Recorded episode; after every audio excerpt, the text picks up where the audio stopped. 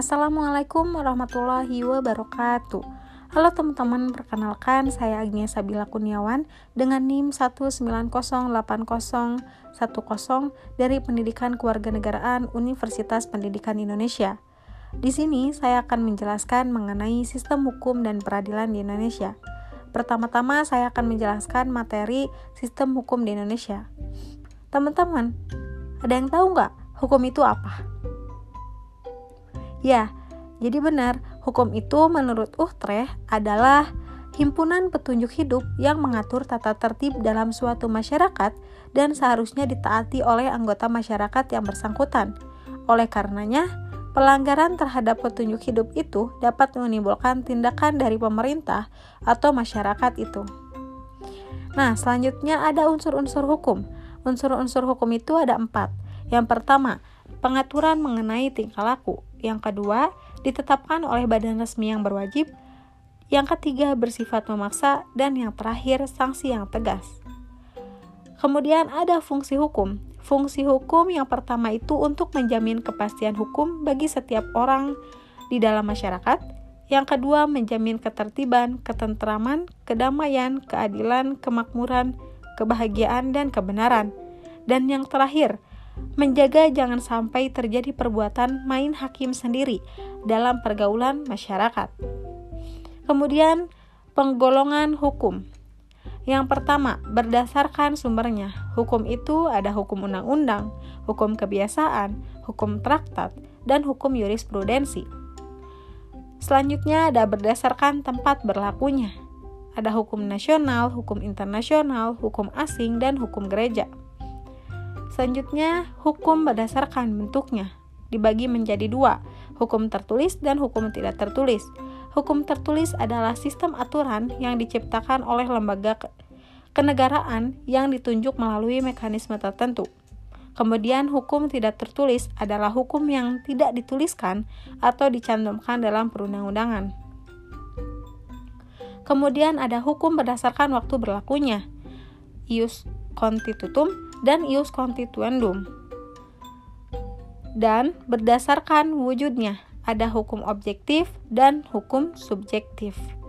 Kemudian yang terakhir berdasarkan isinya, ada hukum publik dan hukum privat.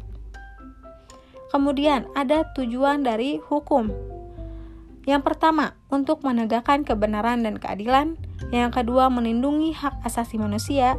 Yang ketiga, mencegah tindakan yang semenang-menangnya. Dan yang terakhir, menciptakan suasana yang tertib, tentram, aman, dan damai.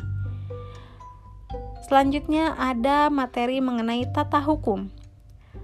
Apa sih tata hukum itu, teman-teman?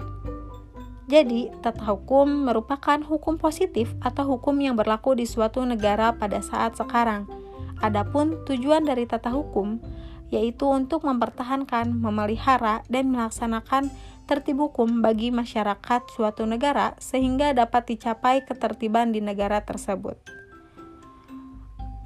Selanjutnya, saya akan menjelaskan materi mengenai sistem peradilan di Indonesia.